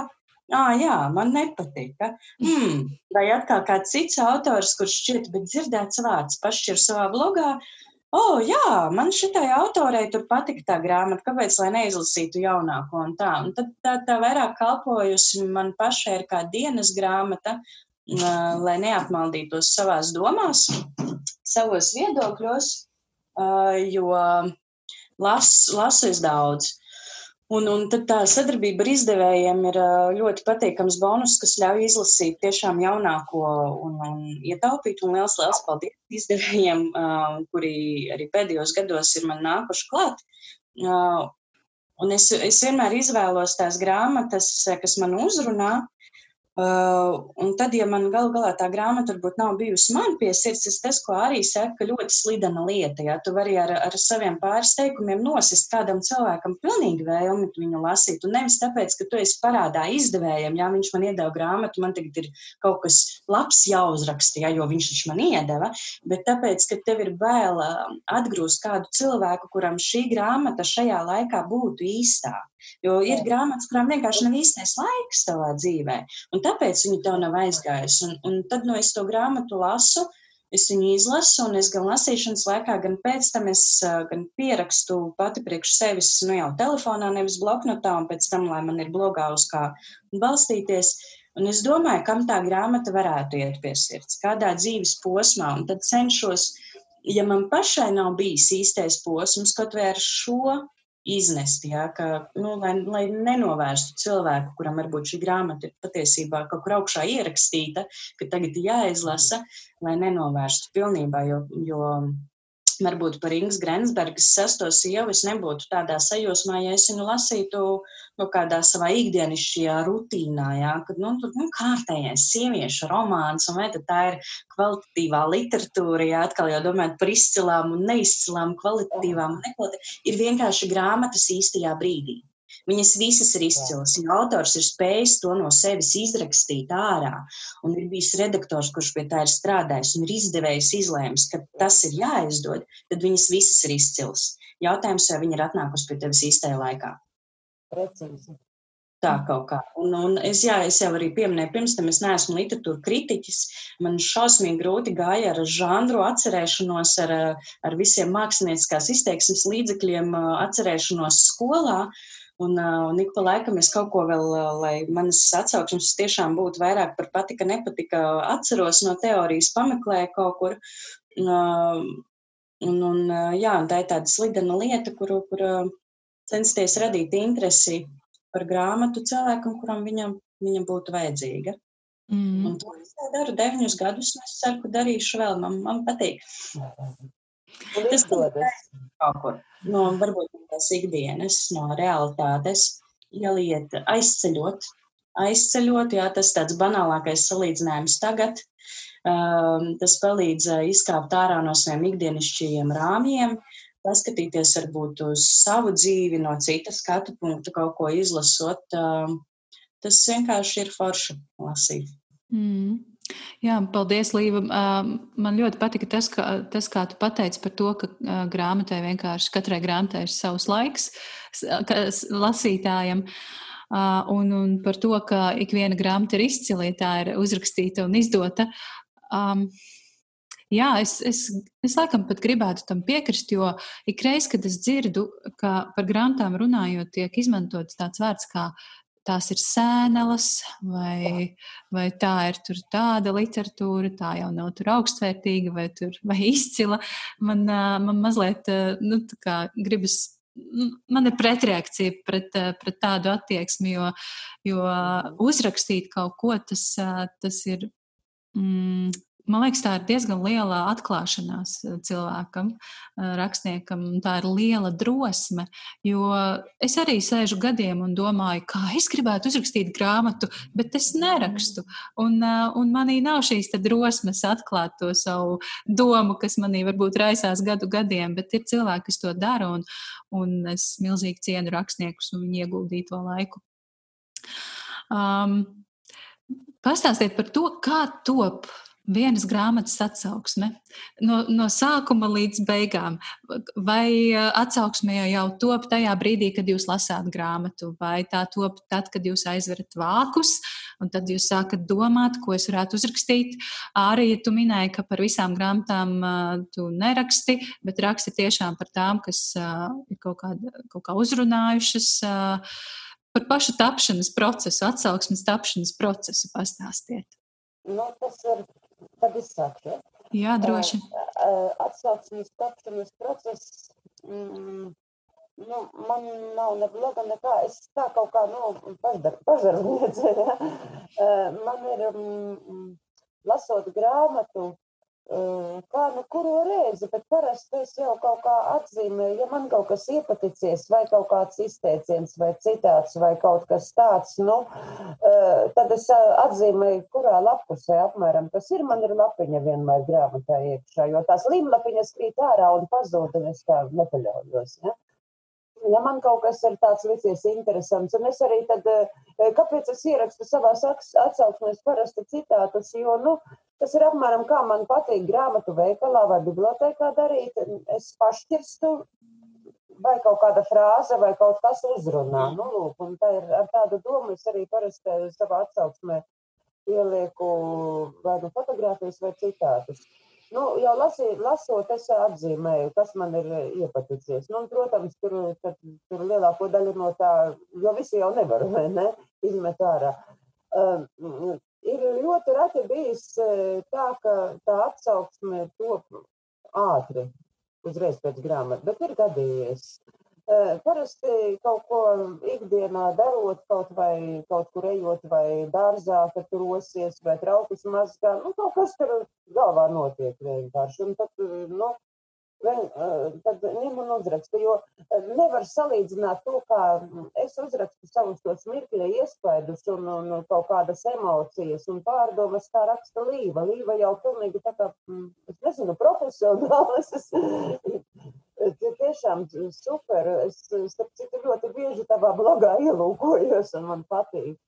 Paldies! Tad, nu, nu, lūk, un vēl arī Teiksim, dažreiz man ir bijis tā, ka man gribas apskatīties, kādi izskatās šīs grāmatas vāki citās, citu valstu izdevumos, piemēram. Nu, tas ir ļoti interesanti arī, kā tur izdevuši tie, tie, tie, tur vācieši, zviedri, itāļi, spāņi un tā tālāk. Ja? Tas ir, un kā to ieraudzījuši to domu, to man patīk paskatīties arī, nu, nu un tā, un tad kaut kā Un, un tad to vienā brīdī tā atsauksmes apsēžos, un tad parasti jau, kad visi ir nomierinājušies, visa dienas rosība ir, un tad naktī parasti kaut kā tā. Es zinu, ka man neviens nepiezvanīs, nevienam neko nevajadzēs, ne kaķim, ne sunim, ne mazbērniem, ne vīram, ne, nevienam. visi guļ, nu tad ir viss kārtībā. Tad parasti es tāpēc izvēlos. Nu, vai tad, kad esi viens pats mājās, bet tas tā reti notiek. Tīpaši tagad. Tas tā nenotiek. Nu, lūk, ir bijušas grāmatas, par kurām es uzreiz uzrakstu, bet, kā jau teicu, tas ir diezgan reti. Bija atbildīgs darbs par tām Lalīgabas grāmatām uzrakstīt, un tā kā, nu, bet, nu, nu, jo īsā laikā vajadzēja tiešām izlasīt, tas nemaz nav tādas izklaidējošas grāmatas mm. pamatā, jā, bet, nu, sanāca tā kā, tā kā sanāca, nu, apmēram tā es, jā. Nu, man liekas, ka man vairs nav īsti par ko pateikt. Vienkārši tā tie pirmie iespaidi, kādi tas ir, tas ir iepaticies.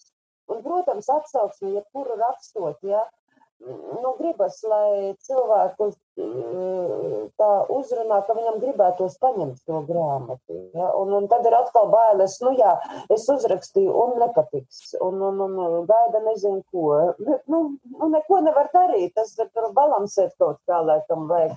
Tas vienīgi ir, es nezinu, es cienu jebkuru grāmatu, kā mēs te tikko runājām, ka tas ir milzīgs darbs, un es nekad nešķirošu tur sēnamu vai nezinu tāda vēl literatūra, jo Es, tur rīktīgi atklāties vajag. Es nezinu, ja es, mm, es tā iedomājos, citreiz, ja es, piemēram, būtu rakstniece, es nekad mūžā nerakstītu, nu, man būtu tur septiņi pseidonīmi varbūt. Nē, nu, nopietni, jo tā ir tāda ļoti, nu, nu, nu Es ļoti, ļoti cienu. Pat, pat ja citreiz nu, nepatīk tā grāmata, un, un, un par daudzām es arī tagad ne, nemaz tā neuzrakstu, kā man sākumā likās, ka es rakstīšu par visām. Jā, jo, nu, jo, nu, tad es sagaidu, zinu, ka būs komentāru birums, kāds sakars ar izcilām grāmatām, un tā, un aiziet, aiziet, aiziet, vai ne? Nu, nu tā līdzīgi. Oi, Aija, kamēr, man liekas, tu rakstīji par Hanu. Jā, jā. Oi, paldies tev, ka tu uzrakstīji par viņu izcilējās grāmatās. Es izlasīju, kā man patika. Labi. Man arī ļoti, ļoti patika Hanna. Es viņu izlasīju, mm. es noignorēju visu, es neaizgāju sporta zāli, es tajā dienā ignorēju bērnu, es viņam kaut ko tur, kaut ko noticu tēvu, un es neatraujoties izlasīju Hannu, tiešām fantastiska grāmata. Uh, bet par tām atsauksmēm, uh, zināmā mērā manas atsauksmes to ļoti līdzīgi kā Arijai. Uh, un man pat šķiet, ka es esmu nedaudz nošpikojusi, ja tā var teikt, citātu likšanu, jo es agrāk neliku citātus, es sāku citātus likt savos blogu ierakstos kaut kādu pēdējo gadu varbūt. Retu reizi es pirms tam liku kādus citātus. Un tad es sapratu tieši uz Ārijas atsauksmi. Man vismaz ir tāda iekšējā sajūta, tagad, kad es skatījos uz Ārijas ierakstiem izcilajās grāmatās, ka, ka eju, bet tās, tās, tie citāti, viņi dara līdzīgu darbu, kā grāmatnīcā šķirstot, jā, vai bibliotekā šķirstot, ka to, ja tev paķer tas teikums, viss tev vajag to grāmatu, vai ja tev nepaķer neviens teikums, nu tad, nu, laikam nav mana šobrīd. Un, un es arī sāku likt citātus, un, un tādā ziņā, laikam, arī jāsaka paldies par, par mana bloga pilnveidošanu, nu, tādā ziņā satura.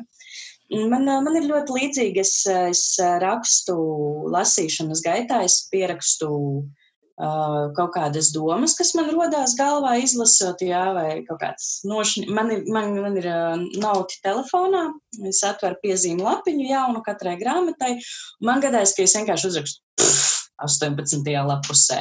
Jā, un, un tad, tam, tad, kad es esmu grāmatu pabeigusi, es atšķiru 18. lapus un es mēģinu saprast, par ko tur bija tas. Dažreiz es nobildēju un pierakstu sev tikai šitā, šitā lapa, un man ir atsevišķa mape ar, ar nu, telefonā mape ar fotografijām, kas ir no grāmatām izbildētas. Uh, tad es kādreiz, kad man ir lustes, uzreiz rakstu ārā to citātu un tās savas garās domas, ko es par to domāju. Lūk. Un, um, un, un uh, tad, tad tas viss ir sakrājies tur telefonā. Es aizsūtu sev uz e-pastu to piezīmju lapiņu digitālo, lai man nav vēlreiz jāpāraksta, ja tas ir bijis izrakstīts citāts, un es neesmu noslinkojusi un tiešām izrakstījusi. Ja nē, nu tās bildes sasūtu sev datorā, e-pastā, un tad pamazām ķibina augšā un līdzīgi kā arī tā kaut ko darot.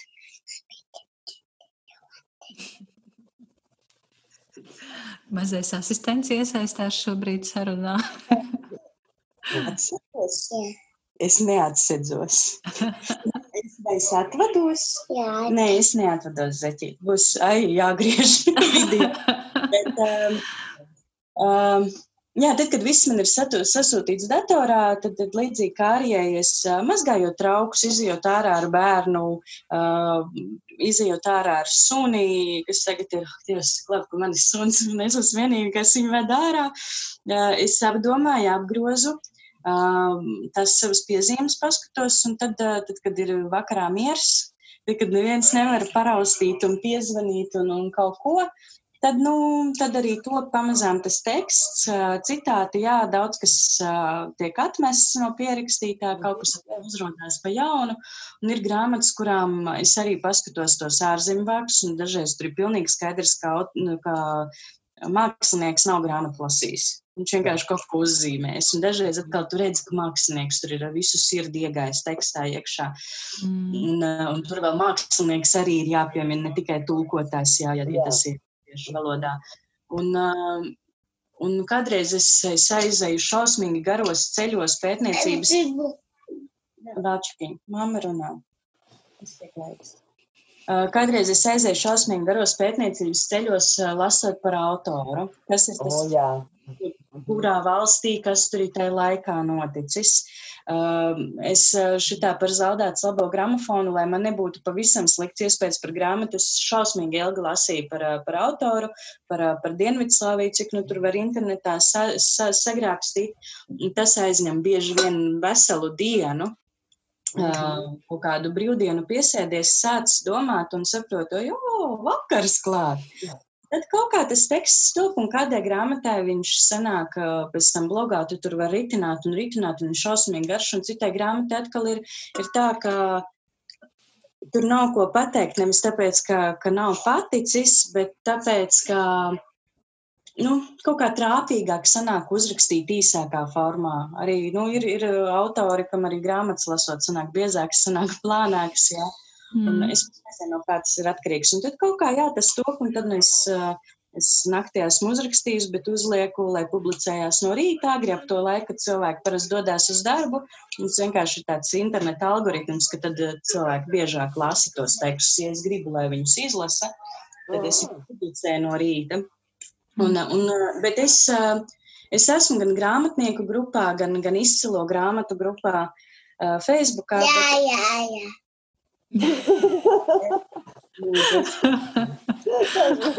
uh, bet es uh, necenšos tur likt iekšā ne savus ierakstus uz blogiem, uh, ne arī pati rakstīt kaut kādas plašās atsauksmes, jo es atvainojos.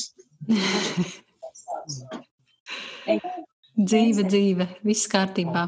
Uh, Bet nerakstu es Facebook grupās tās savas atsauksmes. Viens, viens tāpēc, ka man šķiet, ka tad es būšu visur. Es būšu Instagramā, es būšu Facebookā, es būšu blogā. Un otrs ir, man laikam ir bail no tiem, tiem sliktajiem komentāriem, ko tu, tu tā saslavējies, bet tur jau nekā nav. Un tāds, tāds nieksen ir, jo es redzu pēc sava bloga, ka statistika ir un cilvēki lasa, un lasa daudz, bet dīvainā kārtā blogu neviens nekomentē. Savukārt, ja par to pašu grāmatu kāds ieraksta Facebook grupā, cilvēki tur pa dažām grāmatām metās riņķī, un es īsti nesaprotu, kas, neesmu sapratusi, kas ir tas fenomens, kāpēc blogā negribēs komentēt cilvēkam, bet uh, Facebook ierakstā tam pašam cilvēkam to pašu ierakstu ņems un nogānīs līdz pēdējai, uh, pēdējiem komatam. Uh, tāpēc, tāpēc, jā, es palieku laikam tur blogā. Un, un, bet man ir patīkami, ja, ja kāds pamana manu blogu un, un arī tais grāmatniekos izcilajās grāmatās ieraksta, ka mm. redz ir lasījis un tā vai šitā. Tā tā kaut kā līdzīgs tas process atsauksmi tapšanas ir nekā jā. jauna. Es klausījos tevi, Līva, un, un ļoti labu lietu tu pateici, par ko es sāku domāt. Tiešām, kāpēc tā ir? Blogus komentē ļoti, ļoti reti. Un pārsvarā, ja tie, ja tie komentāri ir, tad tie ir, jā, es tev piekrītu, vai paldies par, par atsauksmi. Un, un vai nav tā, ka blogs tā ir sava veida guļamistaba, kas ir tāds ļoti intīms, tas ir tikai tavs, kur tu raksti tikai tu, un tad tur ienāk uh, tie, kas uh, zina, ko tu raksti, un tad viņi tur arī uzturās un neatļaujas uh, kritizēt to tavu guļamistabu un tavas domas. Savukārt, uh, sociālie tīkli kā Facebook, tā ir tāda liela virtuve, nu, kur tur sanāk visi, un tad visi, nu, tad atļaujās arī visu pateikt. Bet, um, jā, manuprāt, tā ir ļoti liela drosme atklāti publicēt savas domas par grāmatām, jo grāmatas ir pārsteidzoši jutīgs temats, ārkārtīgi jutīgs un, un, un spēja aizskart tiešām nu, līdz sirds dziļumiem, ja šīs gaumas nesakrīt, vai arī, jā, jā, jā, sakrīt, tad ir, protams, liekas, ka šis cilvēks ir pats tuvākais pasaulē, ar kuru sakrīt grāmatu gaume. Um, Es esmu uzrakstījusi pati izcilajās grāmatās divas atsauksmes, un, un abas šīs reizes es uh, trīcošām rokām kā iekšā, pēc tam Facebookā. Tur ir komentārs ārprāts, kas tur tagad ir pateikts par to manu ierakstu. Man bija tāds liels stress un bailes, un uh, jā, tāpēc es saprotu Līva arī tevi, ka, ka tu to nevēlies darīt, un es abrīnoju Āriju, kas turpina to darīt, bet Manuprāt, arī kaut kā ļoti veiksmīgi to dara ar ārkārtīgi lielu cieņu pret grāmatu un rakstnieku. Un es kaut kā nesmu, kaut kā man nāc, nav nācies lasīt par ārijas atsauksmēm ļoti sliktas, sliktus komentārus, bet arī droši vien tu pati zini labāk. Pastāstīji vēl, vēl varbūt sīkāk par, par šo drosmi uzrakstīt atsauksmi par grāmatu. No sākumā man bija ļoti par pašu pirmo, ko es rakstīju, kad vēl nebija tā grupa izcīlas grāmatas. Man vienkārši palika žēl grāmatu kā tādu. Man palika žēl, ka cilvēki nelasa, ka vienkārši neuzzina par labām grāmatām, un tāpēc es sāku rakstīt savā tajā profīlā. Un tad es biju tiešām, eh, es uzrakstīju tā spītīgi, es apņēmos par to mm, Glaviniču vislielākais brīnums uzrakstīt, lai tur vai kas, es to tā ātri, ātri izdarīju. Un tad, man liekas, es eh, tādu veselu dienu Facebookā man bija bailīgi vienkārši. Nopietni, jo it kā Mm, tas tā īpatnēji, nu kas tur ir kā, ja slikti kaut ko uzraksta, nu kas tur būtu, bet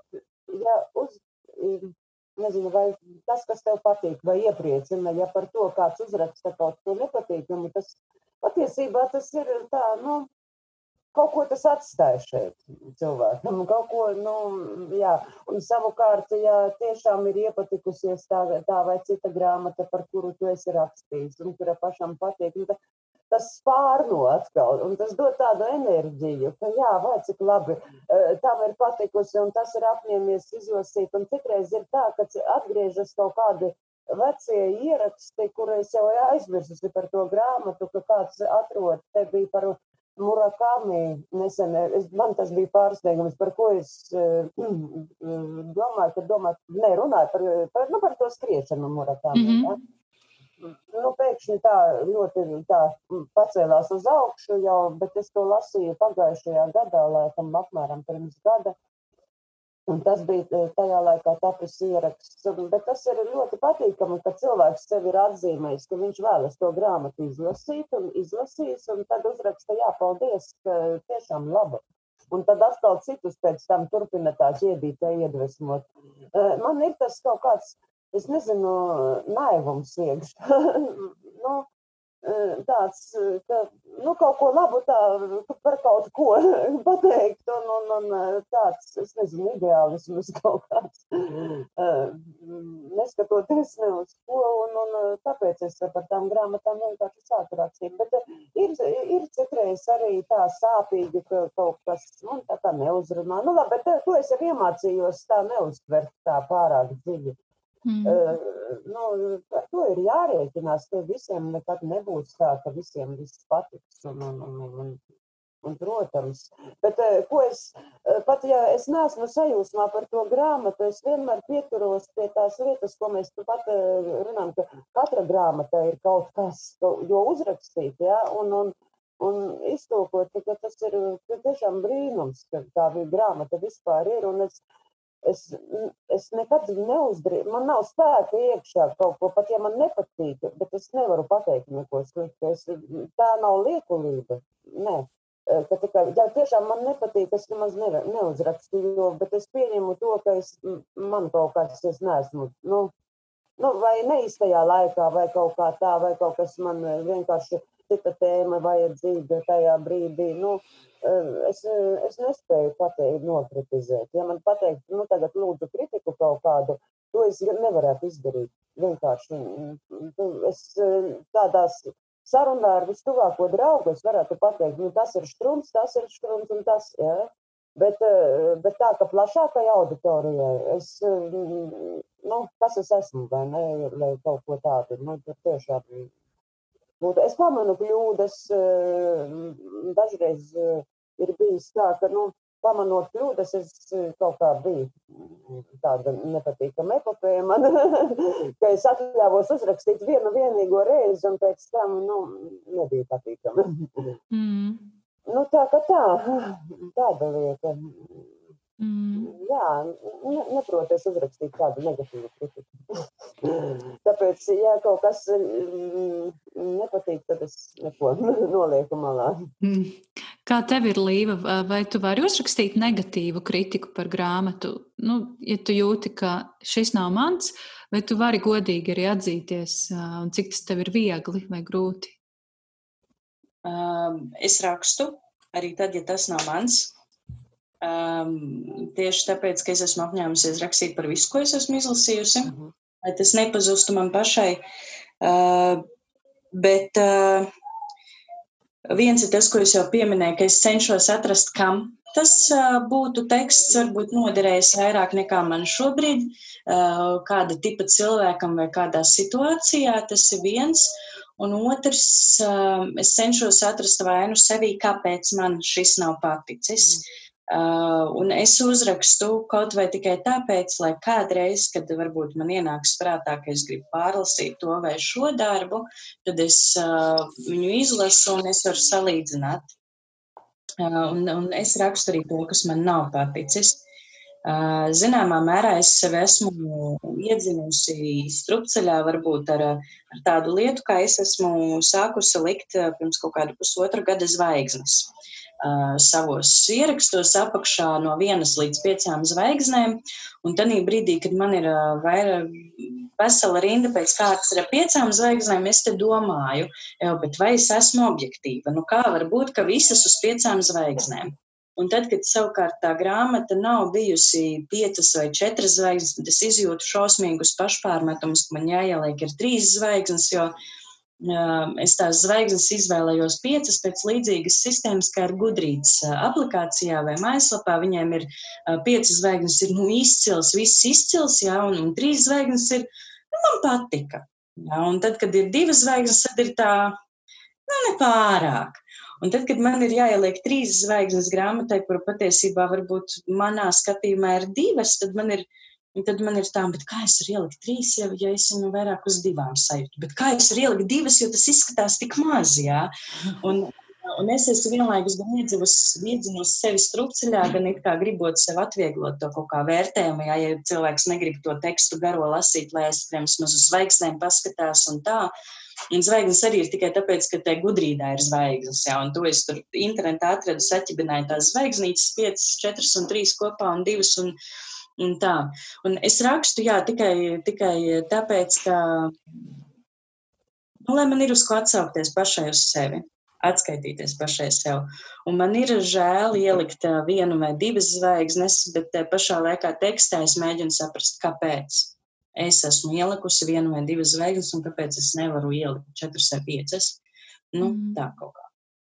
Bet arī, arī, arī tas atkal jau Facebook, kur tu ieliksi kaut ko uz trim zvaigznēm vai uz divām. Tad, ne, man ļoti patīk aizstā ideja, ka bloks ir varbūt kā guļamistaba, un uz, uz turieni atnāk cilvēki, kuri zina, ka pie tevis atnākt, vai ārkārtīgi retos gadījumos ir, ir nejauši atraduši meklējot, teiksim, konkrēto grāmatu. Savukārt, jā, Facebookā vai Twitterī tas ir kā iziet ārā un nobļauties uz ielas. Es to grāmatu, ja, un šitā te. Un tur atkal tev nu, tavam tam bļāvienam var uzskriet virsū jebkurš, mm. jebkādā omā, jā, ja, jebkādā garstāvoklī viņš varbūt tikko ir ar kādu sastrīdējies, un viņš, viņš šļūts pa to savu Facebooku dusmīgu īkšķi, un, un oh, kurš ir tāda, es šito grāmatu lasīju, nu, nu šausmīgi grāmatu uzrakstīšu, un tad, un tad tu saņem, nu, varbūt negribētas cilvēka dusmas patiesībā ne pret tevi vērstas. Um, tā, kaut kā. Jā, jā, jā. Tā, šķietami. Lai arī viss ir internets, internetā jau nekas nepazūd. Tas tur vienmēr mūžīgi būs. Tā ir. Uh, par, tām, um, par tām divām, un vienu un, un, un trim zvaigznītēm, un vispār vērtēšanu, grāmatu vērtēšanu. Uh, es pati mm, rakstu nu, tādas niecīgas atsauksmes Instagram, uh, un tas vairāk tiešām Es vienkārši krāju simts grāmatas šogad izlasītās, un tā ir atskaita man. Varbūt kāds varbūt kāds ieraudzīs un iedvesmosies un arī, un arī gribēs palasīt. Bet uh, man pašai ir ļoti, ļoti grūti kritizēt latviešu autorus. Es šausmīgi vainīgi jūtos, jo man liekas, mēs visi taču esam tepat tuvu un visi cits citu zinām. Un, uh, jā, man liekas, ka es. Uh, Es ļoti izvairos kritizēt latviešu autorus, kaut gan arī nevienmēr šīs grāmatas ir uzrunājušas. Un, Un, ja citi tās slavē, es lasu, man liekas, ai, nu, nav galīgi, nu, pavisam nav mans. Tad man ir tā, kā lai tā pieklājīgi tagad pasaka, kā jums Jā. ir ar latviešiem, latviešu autoriem. Man liekas, ar, ar latviešiem arī vienmēr šķiet tāda slidenā zona, jo tu taču to latviešu var visur satikt. Un, un tas ļoti īpaši izpaudās. Valteriņa. Un tas eh, ļoti īpaši izpaudās, eh, tad, kad es biju pagājušajā gadā uz Lali Gaba apbalvošanas ceremoniju, man pienāca klāt Jāna Egla, un viņa saka, jūs tik labi uzrakstījāt, un jūs, jūs tik, tik jauki, ļoti patika, ka jums tik ļoti patika, man bija uh, kārtēja apjausma vai, pareizāk sakot, sastapšanās sadursme ar to komētu, ar realitāti. Tagad Dievs tiešām taču tos latviešus var satikt arī dzīvē. Un man bija ļoti liels prieks, ka tā bija Jāna Egla, kuras grāmata man tiešām patika svešie. Un es, tieši, es biju sajūsmā, un kad pats autors pienāk un ir sajūsmā par manu sajūsmu, tad tas ir tā. Wow, un, un to, to, to kritis, kritizēšanas daļu, nu jā, nu tad ir īpaši grūti kritizēt, ja šķiet kaut kas kritizējams, bet atkal jau jāatgriežas pie tā, pie tā, ka es meklēju vainu, kāpēc tieši man šī grāmata nav, nav patikusi, un es to arī uzrakstu. Uh, ja kāds tik tālu neizlasa, nu tad tā ir no manis. Mm, tā ir ar latviešiem. Jā. Arī kā tev ir, vai, vai, tu, vai tu esi gatava kritizēt latviešu autorus? Tu gan teici, ka tu nerakstīji, nepatīk grāmata. Jā, mm, es neesmu gatava kritizēt nevienu. Tā skaitā arī latviešu. Ja? Bet, sakoties grupai izcils grāmatas, tad es sapratu, ka es pārāk maz esmu lasījusi latviešu autorus tā nepiedodami un nodevīgi maz, un tad man tā bija tāda apņemšanās, ka man vajag lasīt vairāk nevis tulkoto, nu, tulkoto es pārsvarā lasīju tulkoto literatūru. Nu, lūk, un tā pavisam godīgi, kā saka, kā teica, man klases audzinātāji liekot roku uz sirds, ja, varu teikt, ka man ir tikai šajā laikā, nu, pēdējie divi gadi apmēram, plus mīnus viena grāmata, kuru es arī pat neizlasīju līdz galam. Es vienmēr visas grāmatas izlasu līdz galam, bet bija viena tāda, e, kuru es, e, es nevarēju lasīt. Es nezinu, varbūt jūs esat, es nosaukšu, jo es nedomāju, ka autora vaina tā ir. Ja? Tā, tā bija tiešām mana vaina, jo tā nav mana tipa literatūra laikam. Mm. Kāda no jums varbūt ir lasījusi Andra Zēbota klēve? Nē. Nē. Nu, lūk, es teikšu tā, ka es to grāmatu aiznesu uz bibliotēku, nu, es, es nesapratu, es vienkārši, es, un tā, bet es par, šis ir tas gadījums, ka tā grāmata nav domāta, laikam, man absolūti nevienā brīdī. Pat citreiz ir, ka gara stāvoklis nav īstais, vai dzīves situācija nav tāda kā. Bet man liekas, ka manā man dzīvē diez vai būtu tāds moments, kad man vajadzētu lasīt to grāmatu. Es nezinu.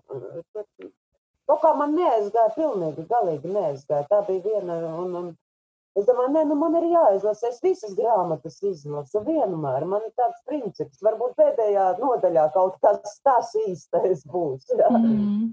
Bet es šo nē. Es domāju, a, kāpēc man vajag mocīt sevi tik ļoti? Nu, nu, ne, nu nav, nav, nav mans vienkārši. Mm. Bet attiecībā par pārējiem man ir paveicies ar to, ka tās latviešu autoru grāmatas, kuras es esmu pēdējā laikā izlasījis, man ir patikušas. es nezinu, kā man būtu, ja man būtu jāpasaka kaut kas slikts, piemēram, nu, man Baiba Zīle ir Facebooka draugos. Ja? Man patīk, kā viņa raksta par laimi. Bet, bet ja man ne, es nezinu, man es būtu sprukās. es tiešām būtu, es laikam, nu, es vienkārši nerakstītu neko visticamāk, jo, nu, tiešām, vai nu, kā Līva ļoti pareizi pateica, ka, nu, nav īstais brīdis, nav mans, man šajā situācijā pēc kaut kādiem gadiem varbūt tas uzrunās. Nu, tā. mm. Man, man, man patiesībā arī ir viena grāmata, ko es esmu neizlasījusi līdz galam, neuzrakstījusi par viņu, un, un lielās dusmās es viņu atstāju pietraus soliņa. Es nespēju vairs to grāmatu izturēt nevienu mirkli. Uh, varbūt līdzīgi kā arī ar to plēvi, ka, ka tā grāmata nekad nebūs mana, jo vienkārši stils nav mans. Tā bija Lācīša garais ceļš uz Hantimanskiju. Kaut kā mm, strojka ar skatu uz Londonu man šķita ok, lāčplēša pamodināšana man šķita ok, bet to Hantimanskijas, viņa bija tik saudabīga.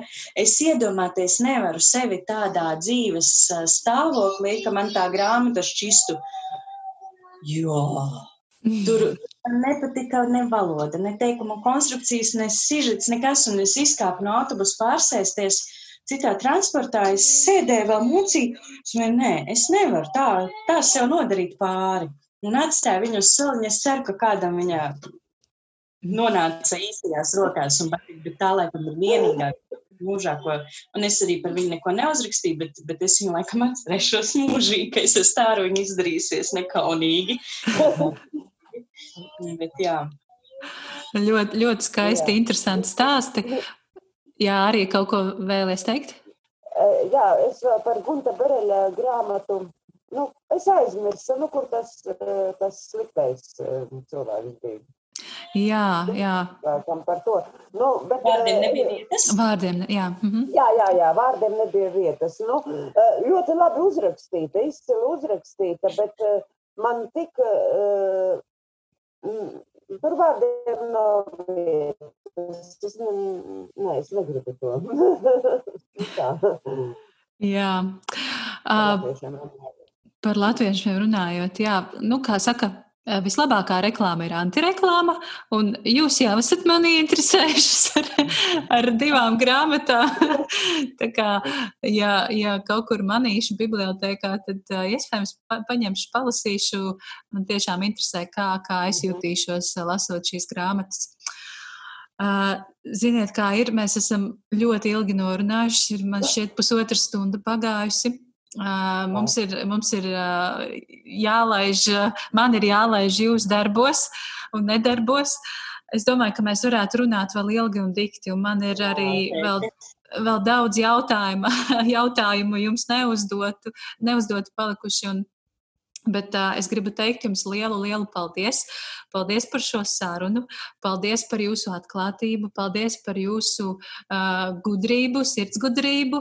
Un uh, man, klausoties jūsos, gribu teikt, ka um, labs grāmatu blogeris, atsauksmi lasītājs ir arī ļoti, ļoti liels diplomāts. Man liekas, ka tāda pieklājība un diplomātija, tas tā ir viena no, no sastāvdaļām. Uh, un arī cieņa jā, pret rakstnieku, kas, kas jā. noteikti ir jūsos abās mm. divās, par ko paldies. Paldies par uzaicinājumu. Paldies, Ārija! Paldies, paldies, Līva. Un tad uz tikšanos kaut kur sociālajos tīklos, blogos, un es ceru, ka varbūt arī kaut kad dzīvē. Jā, es arī ceru. Gan jau kādreiz Latvija jau ir maza. Jā, Latvija maza, jā. labi. Atā. Paldies par uzaicinājumu.